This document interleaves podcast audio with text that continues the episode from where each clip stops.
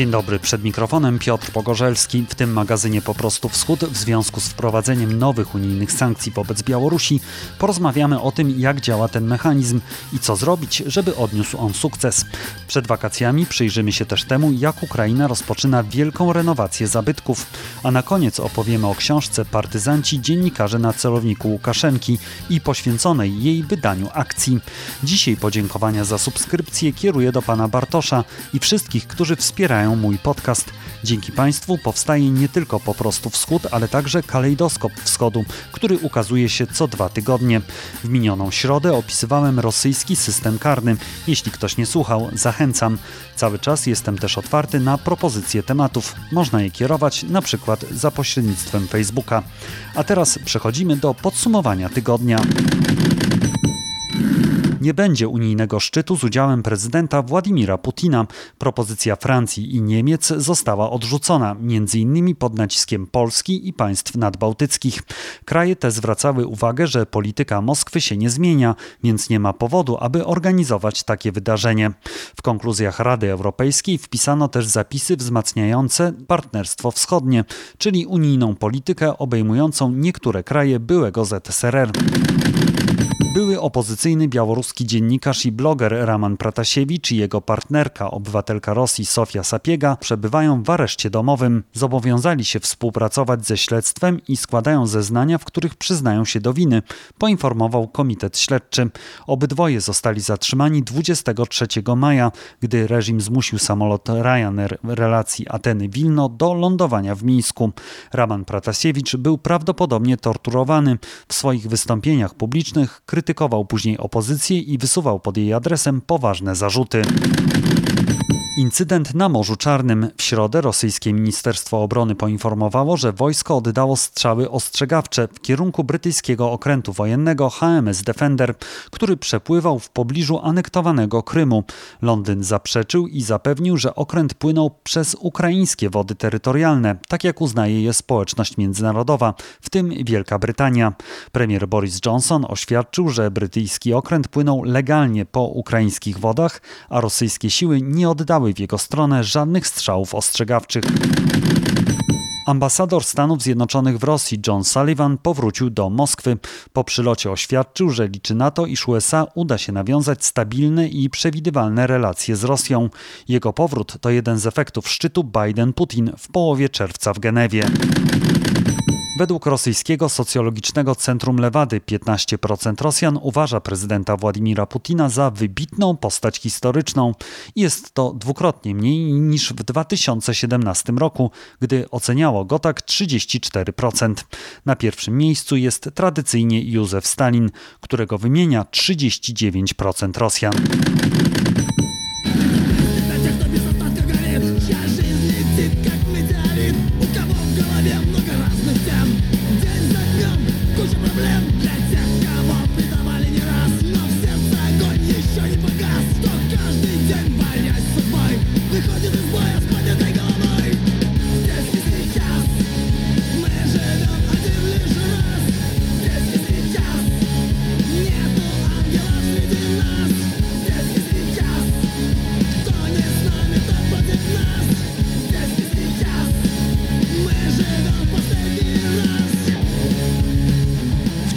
Unia Europejska nałożyła formalnie kolejne sankcje na Białoruś dotyczące gospodarki. Ministrowie spraw zagranicznych państw wspólnoty zakazali m.in. importu białoruskich nawozów sztucznych i produktów ropopochodnych, a władzom Białorusi odebrano dostęp do europejskiego kapitału inwestycyjnego.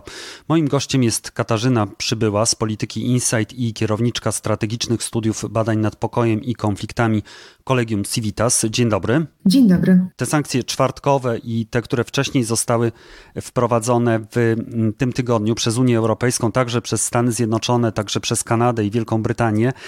Jak pani je ocenia? Czy one są mocnym uderzeniem w białoruski reżim. Jedne i drugie sankcje są bardzo silne i najsilniejsze do tej pory, jeśli chodzi o reakcję Unii Europejskiej na to, co dzieje się na Białorusi. One są troszkę inne. Te wcześniejsze wprowadzone kilka dni temu, a raczej rozszerzone i te czwartkowe. Rozszerzenie listy osób z zakazem e, wjazdu, z zamrożeniem aktywów, to jest już łącznie lista ponad 160 osób, to jest jakby taka największa e, lista, którą Unia przygotowała. No i tak jak Pan wspomniał, siła tych sankcji polega na tym, że to były sankcje skoordynowane, że oprócz tego, że wprowadziła je Unia Europejska, wprowadziły je również Stany Zjednoczone, była to Kanada, było to Zjednoczone Królestwo.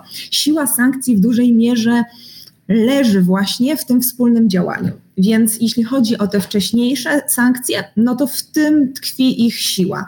To było wiele podmiotów, które zdecydowały się na to samo. E, sankcje z kolei czwartkowe to już są inne, innego rodzaju e, sankcje. To są sankcje, które uderzają w finanse i konkretne sektory. I o ile te pierwsze były bardzo silne symbolicznie i politycznie, o tyle te drugie będą miały duży wpływ na e, białoruską gospodarkę. To znaczy, i tak jak mówiłam wcześniej, jednym, jedna taka ta siła sankcji tkwi w tym, że wiele podmiotów się na nie decyduje.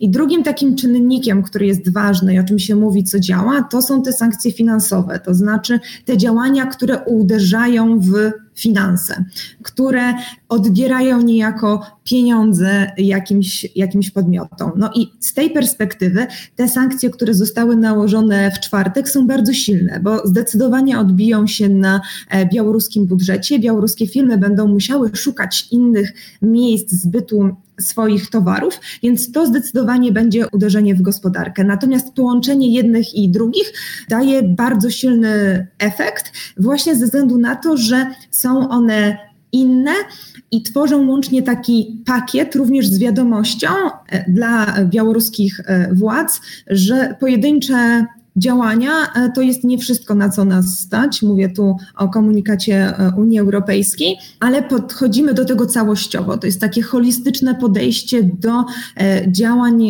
Białorusi, które ma bardzo silne efekty i psychologiczne, ale też właśnie takie bardzo praktyczne. To zanim porozmawiamy o tych efektach, chciałem się zapytać, czy mamy pierwszy raz w historii do czynienia z czymś takim, że Unia Europejska, Stany Zjednoczone, Wielka Brytania razem działają przeciwko czy też karając jakieś państwo, może nie, nie mówmy przeciwko jakiemuś państwu, ale karając jakieś państwo za politykę, politykę także, która bezpośrednio dotyczy obywateli Unii Europejskiej, bo mieliśmy przykład y, samolotu, który miesiąc temu został zmuszony do lądowania i był to samolot zarejestrowany w Polsce irlandzkich linii wiozący obywateli wspólnoty. No wspólne działania już się wcześniej zdarzały. No i tutaj warto chyba podkreślić, że jeżeli mówimy o sankcjach, to właściwie mówimy o takich dwóch rodzajach sankcji. To znaczy, jeśli mówimy o odpowiedzi społecznej, społeczności międzynarodowej, no to przez sankcje my rozumiemy sankcje ONZ-u. ONZ czy Rada Bezpieczeństwa ONZ jest jedynym podmiotem, który jest uprawniony do tego, żeby odpowiadać w imieniu społeczności międzynarodowej na zagrożenia dla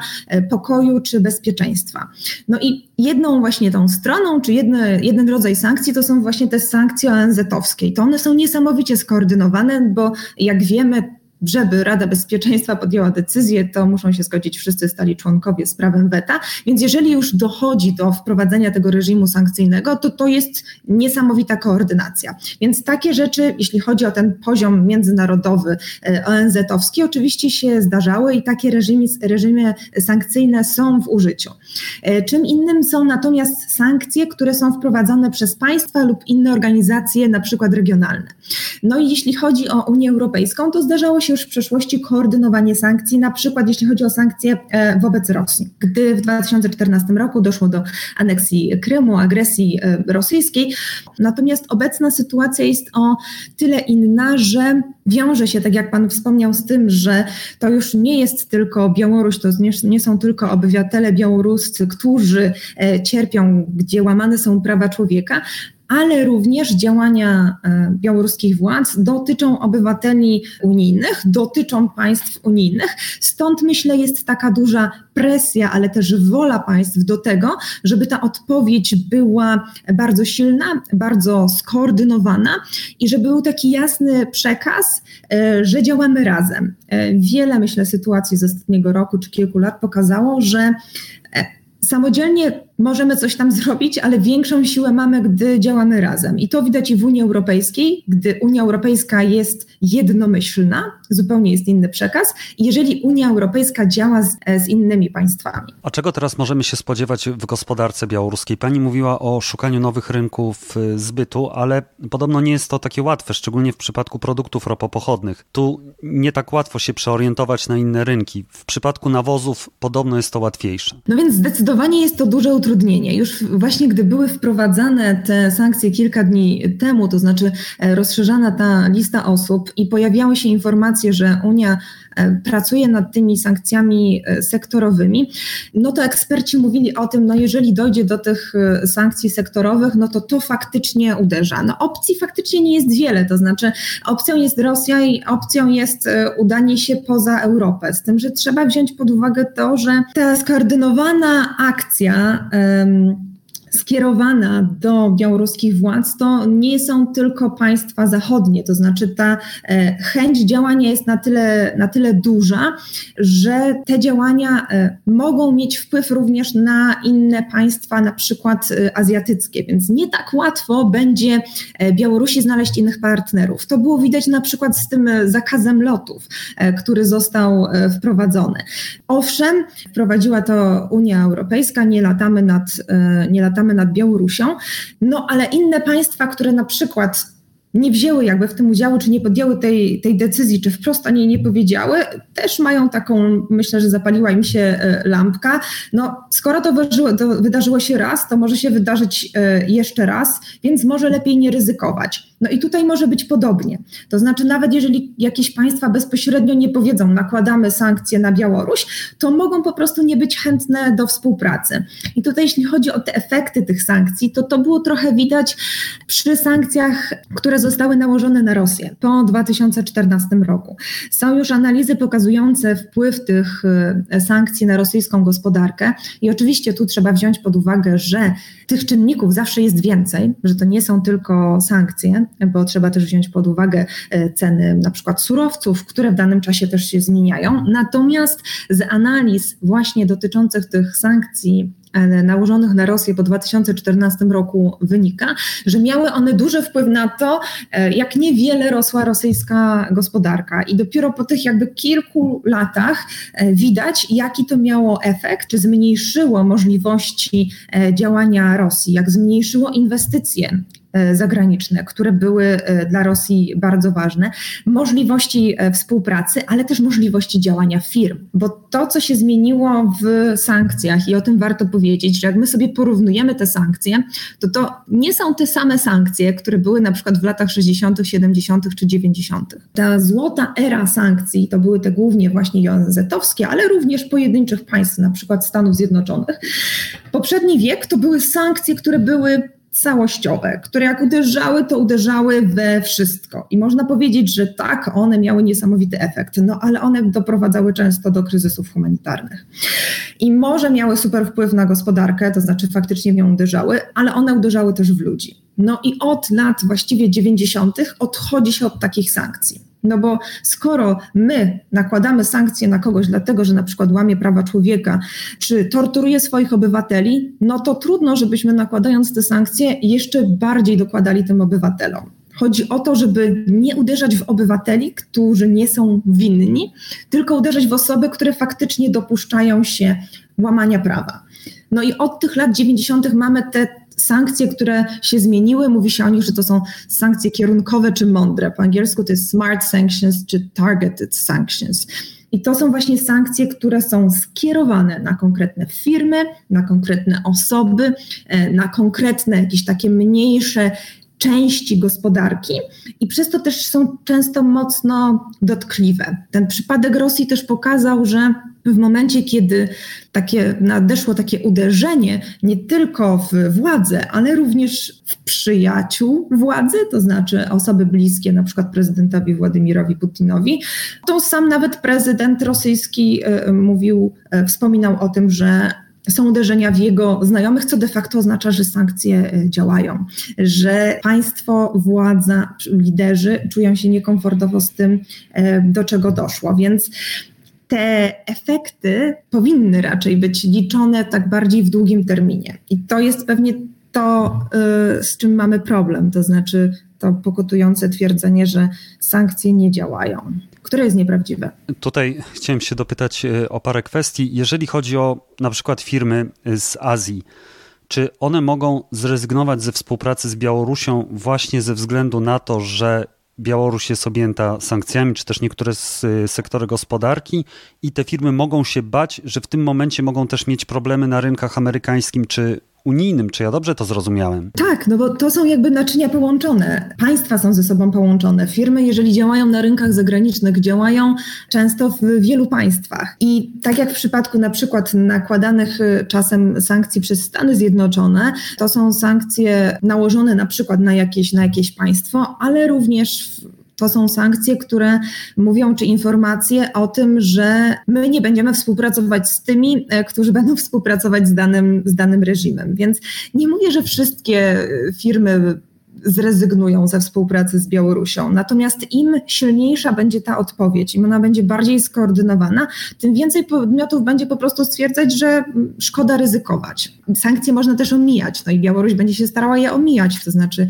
jeśli jej produkty nie będą mogły być sprzedawane, to e, często e, zakłada się nowe firmy, korzysta się z przyjaźni z innymi państwami, w tym przypadku z Rosji, więc to nie jest tak, że, że państwo, na które nałożone są sankcje, nie będzie próbowało je obejść. Natomiast w momencie, kiedy te sankcje, te działania są tak skoordynowane, coraz więcej podmiotów zaczyna się wahać, czy warto. Pani jeszcze mówiła o jednej kwestii, o tym, że te poszczególne sektory objęte właśnie sankcjami, że one mogą także y, ponosić pewne konsekwencje. Przede wszystkim pracownicy tych sektorów mogą mieć y, kłopoty, być może będą zwolnienia.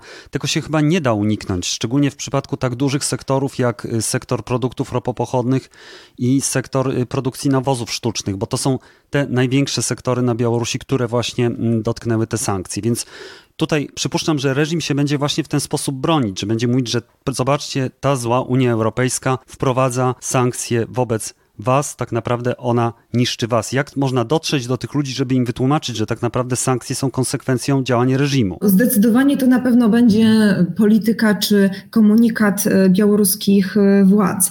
No to, o czym przed chwilą mówiłam, te właśnie smart czy targeted sanctions, no to była właśnie odpowiedź na to, żeby jak najmniej szkodzić e, obywatelom, społeczeństwu obywatelskiemu i czy po prostu pracownikom firm. Tego tak zupełnie nie da się uniknąć, bo na przykład przykład w przypadku Białorusi ten zakaz lotów białoruskiej linii nad Europą uderza też de facto w obywateli. E, więc jakby to nie da się tego zupełnie uniknąć. Natomiast to, że dopiero w tym momencie mamy te sankcje sektorowe, to jest trochę, mam wrażenie, odpowiedź na Pana pytanie. To znaczy, Unia właśnie też ma świadomość tego, że w momencie nałożenia tych sankcji będą większe konsekwencje też już dla konkretnych osób.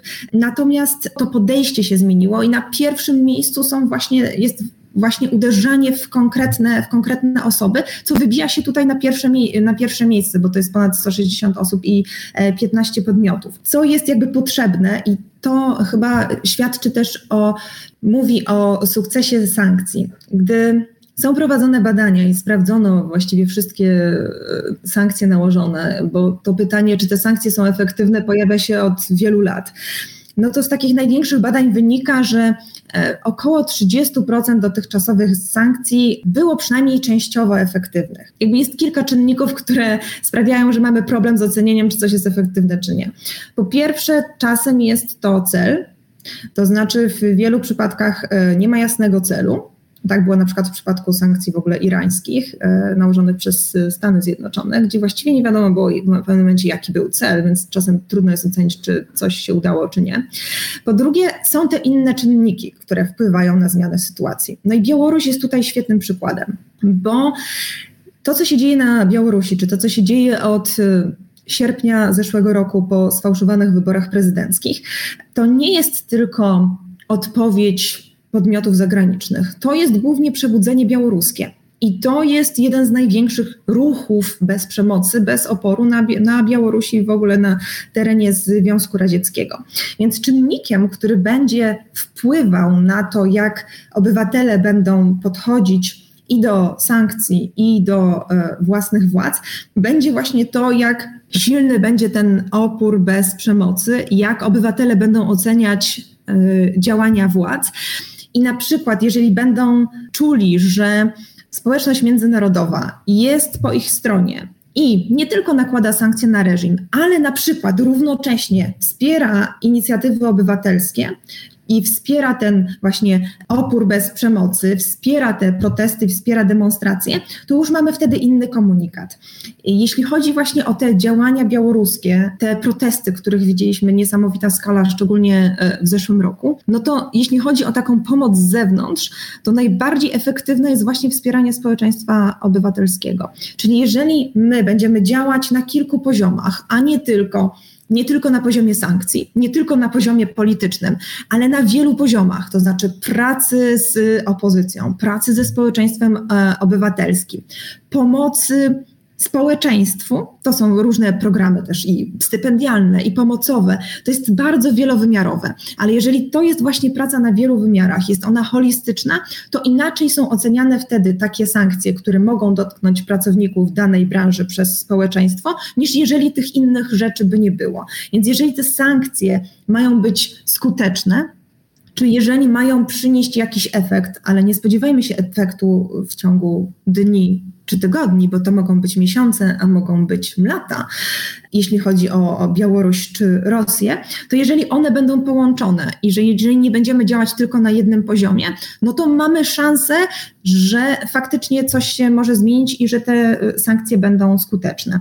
Czyli w tym momencie, jeżeli by ktoś powiedział, że a tam po co te sankcje, przecież y, Putin nadal rządzi, przecież Łukaszenka też nadal rządzi, właściwie Rosja nawet rozwinęła własną produkcję, której wcześniej nie miała, ponieważ z powodu kontrsankcji nie importuje niektórych towarów, pani by odpowiedziała, że proszę cierpliwie czekać, że efekty będą. Czy efekty już są? W przypadku rosyjskiej gospodarki już widać efekty sankcji, bo to jest jak patrzymy na średnią globalną, to wzrost gospodarczy od 2014 roku rosyjski był poniżej e, średniej globalnej.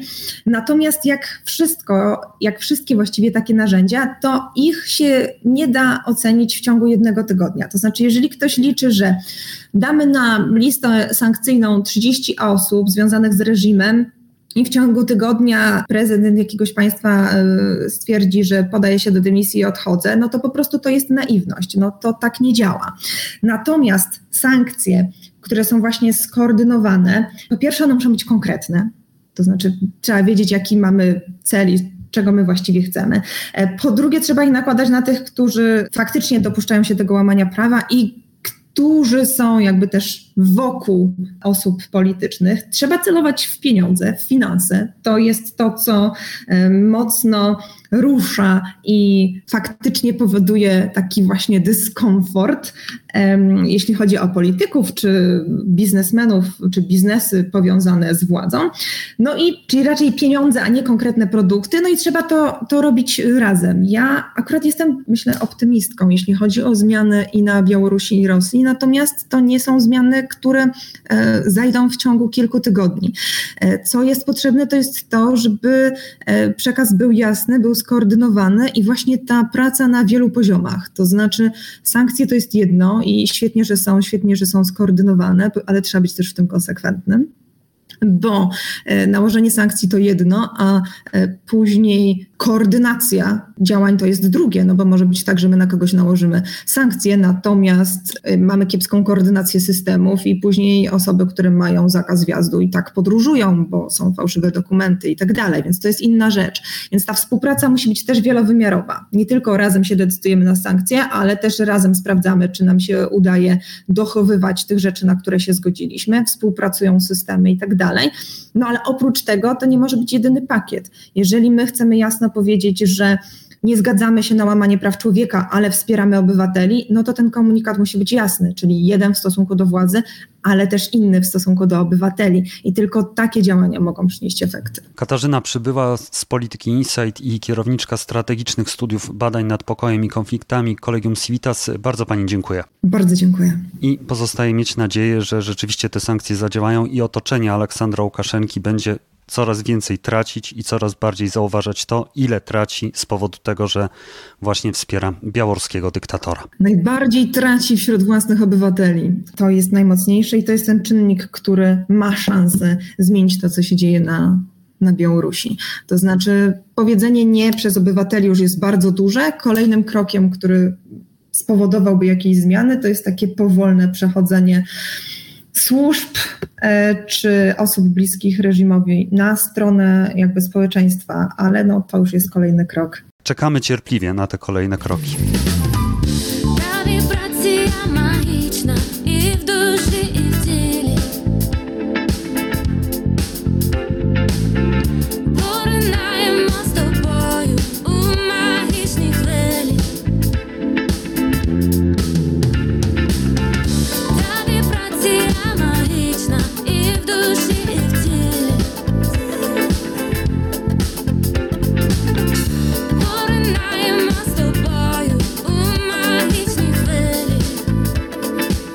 Porozmawiamy o wielkiej restauracji, czyli programie odnowy ukraińskich zabytków. Wiele osób, które jeżdżą na Ukrainę, wiedzą, w jakim stanie jest większość z nich. O szczegółach tego programu porozmawiam z wicedyrektorem Ośrodka Studiów Wschodnich Wojciechem Konończukiem. Dzień dobry. Dzień dobry. Według oficjalnych danych aż 80% ukraińskich zabytków wymaga konserwacji, 30% jest w stanie ruiny. To są dość niepokojące dane. Z czego wynikają te zaniedbania? Czy to jest przede wszystkim wynik sytuacji ekonomicznej Ukrainy. To, to, jest z jednej strony y, efekt ekonomicznej sytuacji ukraińskiej, która jest bardzo trudna, ale też to, także w nie mniejszym, a może większym stopniu jest efekt długoletnich zaniedbań. Państwo ukraińskie od 30-lecia niepodległości w tym roku przecież obchodzi, y, na dobrą sprawę nigdy nie uruchomiło żadnego poważnego programu, który miałby na celu ochronę zabytków.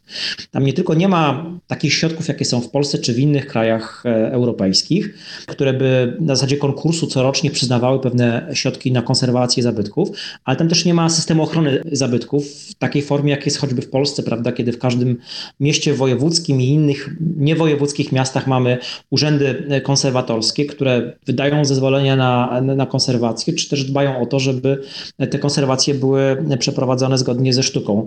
Niestety tego typu system na Ukrainie jest dopiero tworzony, więc to, że te 80% ukraińskich obiektów zabytkowych wymaga dzisiaj odnowienia, no właśnie składa się na to to wieloletnie zaniedbanie, ale także w dużym stopniu również e, pewna spuścizna sowiecka. Trzeba pamiętać, że w okresie Związku Radzieckiego nikt e, większością, ogromną większością zabytków się nie zajmował, więc tak naprawdę mówimy o kilkudziesięciu latach e, wielkich zaniedbań. Tak, ale te zabytki za czasów Związku Radzieckiego pełniły jakieś funkcje, na przykład kościoły jako magazyny, pałace jako szpitale. Czy to w pewnym stopniu nie uchroniło ich przed jeszcze większym zniszczeniem niż były, bo rozumiem, że z jednej strony niszczono wnętrze, ale z drugiej strony ta konstrukcja jakoś musiała być konserwowana. Z jednej strony tak. E, część e, obiektów zabytkowych pełniła nowe funkcje użytkowe, prawda, choćby szkoły czy, czy wspomniane szpitale, ale to były raczej wyjątki od reguły. Ogromna większość tego typu obiektów najczęściej była to szczególnie mniejsze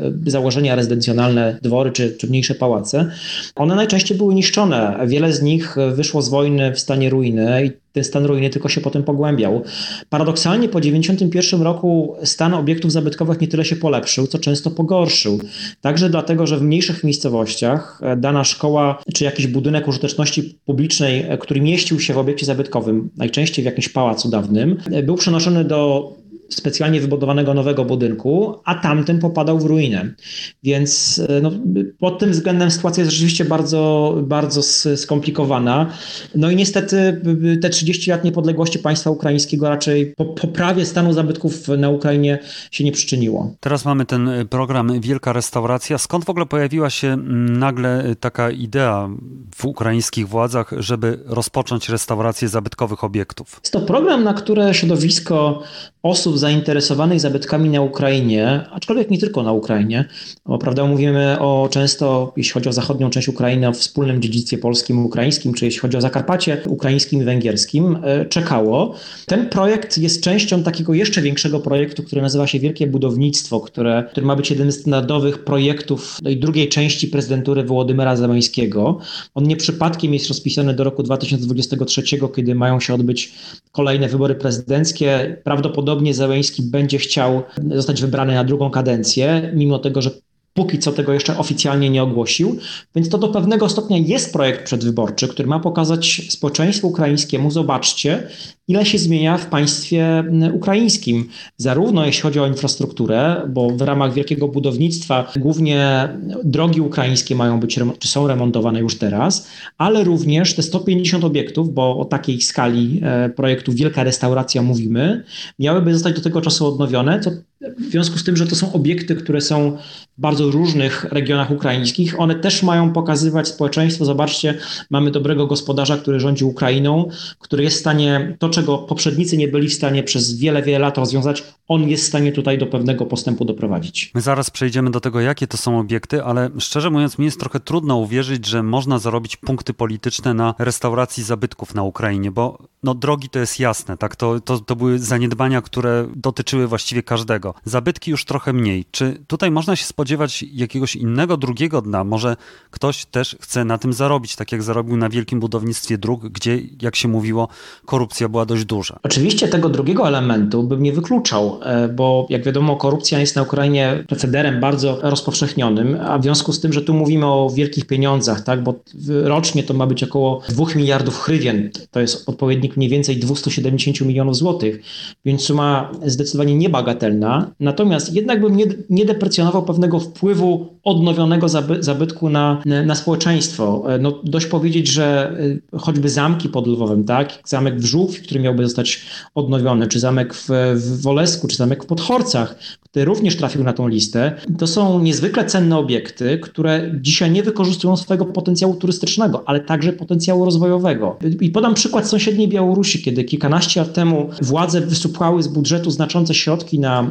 odrestaurowanie dwóch zamków Radziwiłłu w Nieświeżu i w Mirze. Okazało się, że te dwie niewielkie miejscowości e, stały się jednymi z najważniejszych punktów na turystycznej mapie Białorusi. Każdy z nich corocznie przyciąga około 300-400 tysięcy turystów. Więc to jest rzeczywiście e, i każdy z nich, prawda, widzi, że były wcześniej w ruinie, a teraz zostały odnowione i są tam ciekawe muzea. Więc ja myślę, że na też tego typu efekt, jeśli chodzi o te czołowe obiekty, które miałyby zostać odrestaurowane, liczą ukraińskie władze. Dobrze, to teraz właśnie powiedzmy, jakie to są obiekty, jak one są roz, rozłożone geograficznie. Rozumiem, że przynajmniej na tej pierwszej liście głównie dominuje tutaj zachodnia Ukraina. Zachodnia Ukraina e, nie dominuje w sensie liczebnym, natomiast dominuje jeśli chodzi o środki, jakie miałyby zostać przeznaczone na remont. To są najczęściej obiekty rezydencjonalne, głównie dawne zamki. Już mówiłem o Żółkwi, Olesku, Podchorcach, także będzie Zbaraż, będzie, będzie część twierdzy w Kamieńcu Podolskim, w, w Chocimiu.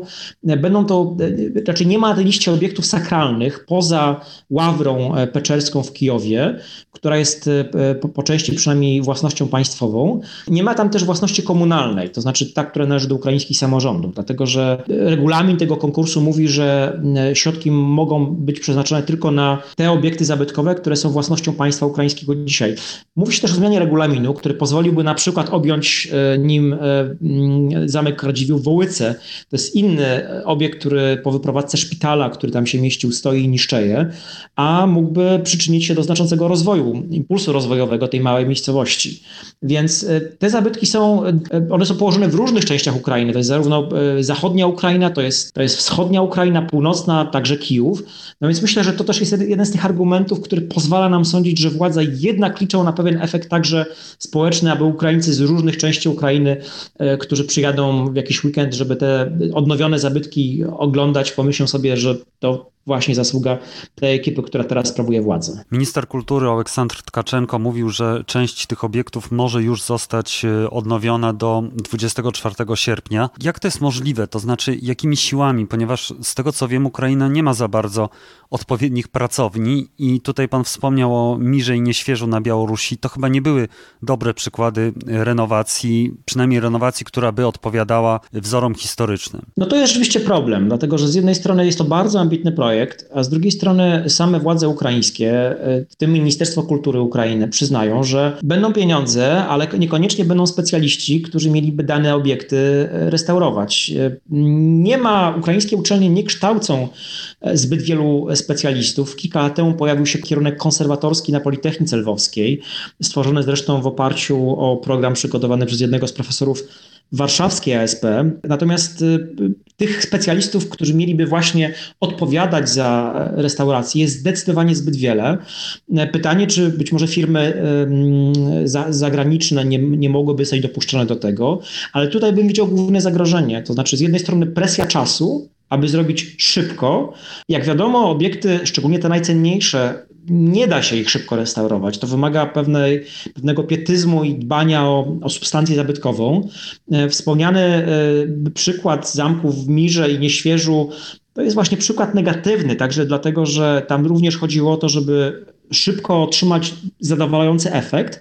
E, część skrzydła zamku w Nieświeżu została wręcz zburzona i zbudowana na nowo z wykorzystaniem współczesnych materiałów, bo tak po prostu było taniej. Więc y, główne zagrożenie dla ukraińskich zabytków, którego bym się do, dopatrywał dzisiaj, to właśnie to jest, że to jest bardzo ambitny projekt, który to jest krótki, krótkotrwający projekt, tak prawda, bo mówimy o trzech latach tego typu obiekt, jak na przykład bezcenny zamek w Podchorcach, no ja sobie nie wyobrażam, żeby dało się przeprowadzić e, konserwację takiego obiektu w tak krótkim czasie, także dlatego, że to wymaga pewnego przygotowania całej dokumentacji konserwatorskiej.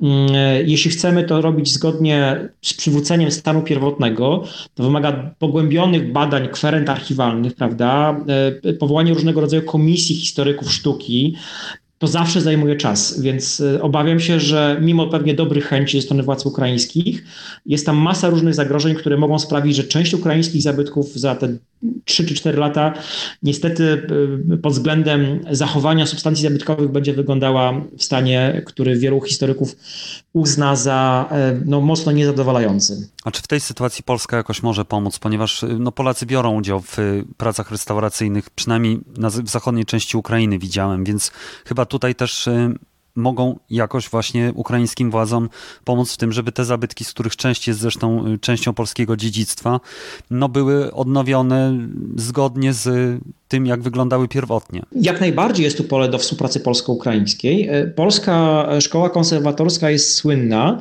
w regionie. Polscy konserwatorzy jeszcze w okresie sowieckim pracowali innymi przy odnowieniu e, pałaców pod Petersburgiem, Starówki w Talinie czy, czy, w Rydze.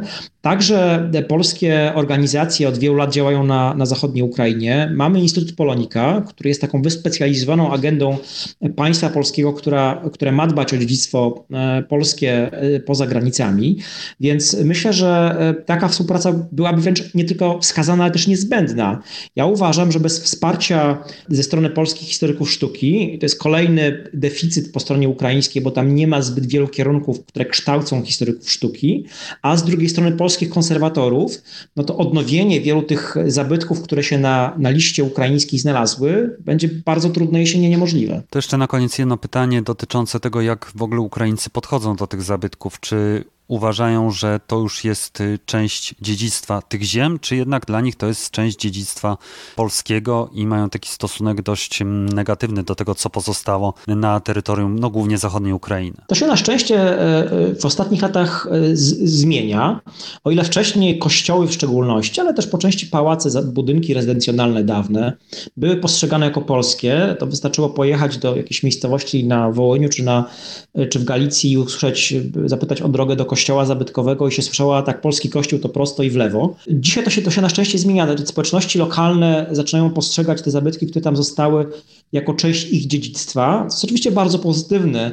Jest to proces, który też odbył się choćby na, na polskich tak zwanych ziemiach odzyskanych, prawda, kiedy jednak zajęło jedno czy dwa pokolenia, czy może więcej, aby zabytki Wrocławia czy mniejszych miejscowości gdzieś w Szczecińskim czy na Dolnym Śląsku przez polskie społeczności uzna, zostały uznane za ich własne. Tego typu proces, szczególnie w tym, tym nowym pokoleniu ukraińskim, szybko zachodzi. Mamy różnego rodzaju lokalne, ciekawe inicjatywy, szczególnie na zachodniej Ukrainie, które dbają o, o zabytki mm, na, mm, właśnie w swoich miejscowościach. To jest pozytywne, aczkolwiek problemem jest cały czas są środki finansowe. Znaczy nie da się konserwować zabytków bez pieniędzy, a jak wiemy, konserwacja zwykle jest bardzo drogim procesem, a do zrobienia jest bardzo wiele. No, stan wielu, w większości ukraińskich zabytków jest, jest często tragiczny. Takim ostatnio, ostatnim wydarzeniem, które zmroziło wręcz środowisko osób, które się interesują zabytkami na Ukrainie jest, jest Buczacz. Tam mamy zabytkowy XVIII-wieczny ratusz, na, którego szczycie znajdowało się 14 rzeźb takiego wybitnego rzeźbiarza Pinsla, bodajże najważniejszy XVIII-wieczny rzeźbiarz działający na ziemiach Rzeczpospolitej wówczas. No więc jedna z tych rzeźb e, kilka tygodni temu po prostu spadła e, na, ziemię, a jednocześnie okazało się, że trwający od kilkunastu lat remont tego obiektu był zdecydowanie prowadzony nie ze sztuką, zgodnie ze sztuką konserwatorską, co sprawiło, że trzy rzeźby zostały po prostu zniszczone. A mówimy o, e, o dziełach artysty, który kilka lat temu miał wystawę w Louvre, więc to zdecydowanie jest postać niebanalna. Więc jakby podsumowując, e, jest bardzo dużo do zrobienia. Ten program Wielka Konserwacja jest krokiem w dobrą stronę, aczkolwiek on niesie za sobą też szereg, szereg różnego rodzaju wyzwań. Miejmy nadzieję, że to nie skończy się tak jak pan mówił, tak jak w Buczaczu. Tych, którzy nie znają dzieł Pinzla, szczerze rekomenduję się z nimi zapoznać, dlatego że rzeczywiście był to wielki rzeźbiarz. Wojciech Konończuk, wicedyrektor Ośrodka Studiów Wschodnich. Bardzo dziękuję. Dziękuję również. Как ты там, как ты сам знаешь, все нормально, мам, не ругаюсь с кем, регулярно сплю как ты там, как ты сам,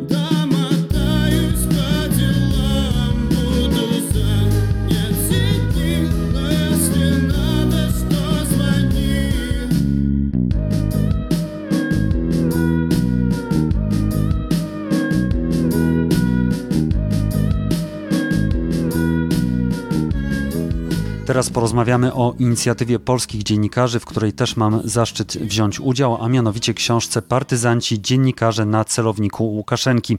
Moim gościem jest dziennikarka Arleta Bojke. Dzień dobry. Dzień dobry, witam serdecznie, dziękuję za zaproszenie. Jesteś e, pomysłodawczynią tej akcji. Na czym ona dokładnie polega i jak to wydanie książki o białoruskich dziennikarzach ma pomóc naszym białoruskim kolegom? My zbieramy pieniądze, ale okazuje się, że wcale nie to jest dla naszych kolegów e, najważniejsze, bo ja jestem już po dziesiątkach rozmów. E, te akcje tworzymy już od kilku tygodni i okazuje się, że białoruscy dziennikarze najbardziej doceniają to, że chcemy mówić e, nawet nie tyle o nich, ale że chcemy tłumaczyć ich kraj.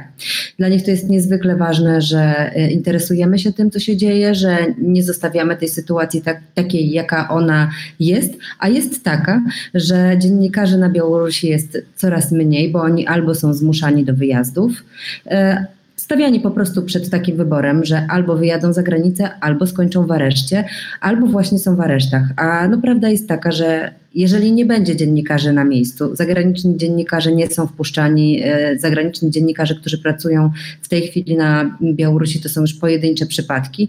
Jak nie będzie dziennikarzy, to my po prostu nie będziemy wiedzieli, co się dzieje tuż za naszą wschodnią granicą. To nie jest jakieś odległe państwo. Ja w ogóle stoję na stanowisku, że warto się interesować światem, bo trochę żyjemy jednak w globalnej wiosce, ale to jest państwo, które mamy tuż za granicą i to jest naprawdę niezwykle ważne, co się tam dzieje i warto wiedzieć, co się tam dzieje, a bez naszych kolegów, którzy ryzykują niezwykle dużo, nie będziemy tego po prostu wiedzieć. Dlatego wydaje mi się, że po pierwsze warto o tym mówić i na to jest skierowana nasza akcja. Chcemy opowiedzieć historię tych dziennikarzy, którzy zasługują po prostu na to, żeby mówić o ich pracy, żeby ludzie znali ich nazwiska po drugie, chcemy zbierać pieniądze mm, na to, żeby pomagać im na przykład w pomocy prawnej, jeśli ktoś już jest w areszcie, albo kup, kupnie nowego sprzętu, bo ich sprzęt jest regularnie rekwirowany przez białoruskie służby, e, albo w znalezieniu bezpiecznego mieszkania, jeśli muszą już uciekać, właściwie w ciągu kilku godzin zostawiając wszystko za sobą. Więc to jest e, dwukierunkowo ustawione, można tak powiedzieć. Z jednej strony chodzi o informacje, a z drugiej strony chodzi o taką realną, wymierną finansową pomoc. No to powiedzmy, kto jest e, opisany, jacy dziennikarze białoruscy, jacy pracownicy mediów są opisani w tej książce. Ja wiem, że tam między innymi są dziennikarki Bielsatu, jest też twórczyni portalu Tutbaj Maryna Zołotawa, którą ja miałem akurat zaszczyt opisać. E, kto jeszcze? Jest to 20 osób, tyle sylwetek wybraliśmy w toku wielu, wielu rozmów, bo oczywiście dziennikarzy, którzy zasługują zasługiwaliby na to, żeby o nich wspomnieć, jest znacznie więcej. Są tam także osoby, zaczynając trochę historycznie, które pokażą nam, że te represje wobec dziennikarzy na Białorusi nie zaczęły się po tych wyborach, a zaczęły się niemalże tuż po wyborze Aleksandra Łukaszenki na prezydenta Białorusi na jego pierwszą kadencję. Więc opisujemy i Pawła Marzejkę, który był jednym z pierwszych dziennikarzy, którzy, którzy trafili do więzienia za swoją pracę dziennikarską. Jest tam Paweł Szeremiet, który zginął w zamachu na e, Ukrainie. Co prawda, jego droga e, zawodowa była bardzo skomplikowana, ale też był jednym z pierwszych dziennikarzy, którzy tworzyli niezależne, e, niezależne media na Białorusi. Jest Natalia Radzina, która od 10 lat mieszka w Polsce, bo nie może wrócić na Białoruś. No i są dziennikarze też tego najmłodszego pokolenia, czyli właśnie Istia Pan Puciła i Roman Protasiewicz, o którym wszyscy usłyszeliśmy, kiedy Aleksandr Łukaszenka porwał samolot. Jest Nadia Burzan, która jest fotoreporterką, młodą dziewczyną, która cały czas powtarza, że ona tylko wykonuje swoją pracę i gdyby na Białorusi odbywały się wielkie zawody sportowe, to by fotografowała wielkie zawody sportowe. A że działo się to, co się działo rok temu, już niecały rok temu, czyli ogromne protesty, to fotografowała protesty, ale jej zdjęcia stały się symbolami tego, co się działo i ona cały czas jest na miejscu, pracuje i jej postawa też jest niesamowita. Opisujemy e, także e, szefową białoruskiego presklubu, która od ponad pół roku jest w areszcie. Jej e, grożą nawet zarzuty karne, bo to jest też trochę chyba specyfika reżimu, że karze się ludzi nawet nie tyle formalnie, nie za ich pracę dziennikarską, tylko wymyśla się, tak jak w przypadku Tudba i Mariny Załatawej, takie preteksty jak e, podatki, jak rozliczenia finansowe i wtedy też te zarzuty są zupełnie inne. No i w końcu Andrzej Poczobut, którego wielu z Państwa na pewno też zna, bo jego profil w mediach społecznościowych wielu Polaków śledziło po to, żeby się właśnie dowiadywać, co się dzieje na Białorusi. On też jest formalnie, będzie sądzony za jego działalność w Związku Polaków na Białorusi, ale jego działalność dziennikarska na pewno też nie była tu bez znaczenia, tym bardziej, że Jemu areszty były znane już wiele lat temu. To jeszcze powiedzmy o tym, jak będzie wyglądała okładka, bo to też jest bardzo ciekawa sprawa. Okładkę zaprojektował dla nas e, Władimir Cesler, który jest no legendarnym e, takim projektantem, grafikiem białoruskim, e, który też musiał w sierpniu uciekać z Białorusi, bo wszedł w skład tej opozycyjnej rady koordynacyjnej, która stała się takim ciałem zrzeszającym osoby, które domagały się powtórnych wyborów, uczciwych wyborów na Białorusi. E, I on zgodził się dla nas tę okładkę zaprojektować. Ona jest e, chyba trudna, e, ale nawiązuje do tego, że te etykietki, kamizelki, wszystko, co oznakowywało prasę, czyli napis prasa, który to są takie napisy, które powinny być w każdym kraju tarczą. Dziennikarze powinni być chronieni, a po wyborach, na ostatnich wyborach na Białorusi, one stały się celem dla służb mundurowych.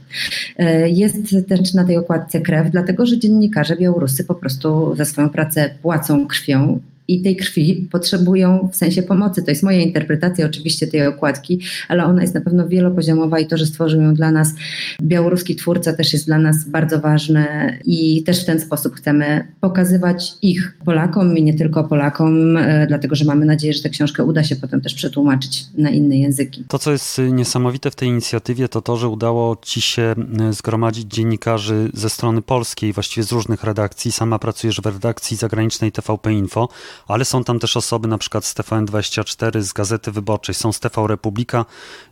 Jak to w ogóle było możliwe? Ja nikogo nie przekonywałam i chyba to jest w tej chwili w tym, w tym wszystkim najlepsze, dlatego że też spotkałam się z takimi opiniami, że właśnie udało ci się przekonać. Ja nie musiałam nikogo przekonywać i to jest najważniejsze, że ja napisałam post na Facebooku, bo byłam poruszona tym, co się stało z Romanem Protasiewiczem, bo nie mieściło się dotąd w mojej wyobraźni, że można porwać samolot z pomocą uzbrojonego myśliwca tylko po to, żeby zatrzymać dziennikarza i było to moją ogromną potrzebą, że trzeba coś zrobić. I okazało się, że zgłosiło się bardzo wiele osób właśnie z różnych redakcji i te osoby zgłaszały się same, więc e, jest to absolutnie inicjatywa oddolna i absolutnie pokazująca to, że jednak możemy mieć wspólny cel i możemy, jak coś jest ważne i potrzebne, to że możemy pracować e, ponad podziałami, których nie powinno tak naprawdę być, no ale nie będziemy zaklinać rzeczywistości, one są. Y, bardzo mnie cieszy to, że uda nam się pomóc i opowiedzieć historię białoruskich kolegów, ale też bardzo cieszy mnie to, że potrafimy współpracować razem. Y,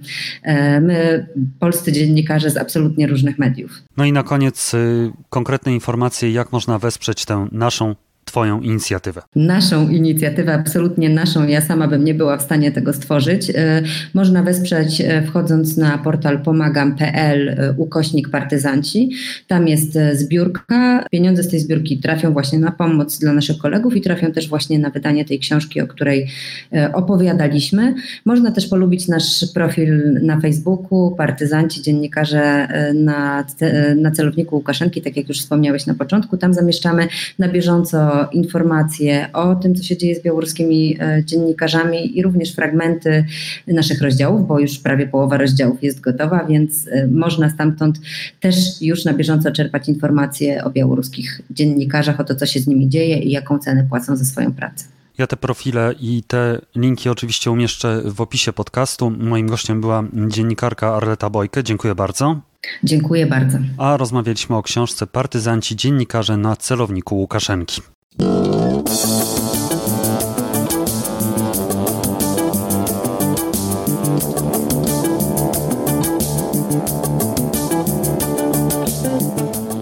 to już wszystko w tym odcinku podcastu Po prostu Wschód. Zachęcam do wspierania mojej inicjatywy na Patronite i zrzutce, a także do zajrzenia na Spotify, gdzie cały czas aktualizuję playlistę z utworami z moich podcastów. Do usłyszenia za tydzień. Żegna się z Państwem Piotr Pogorzelski. Thank you.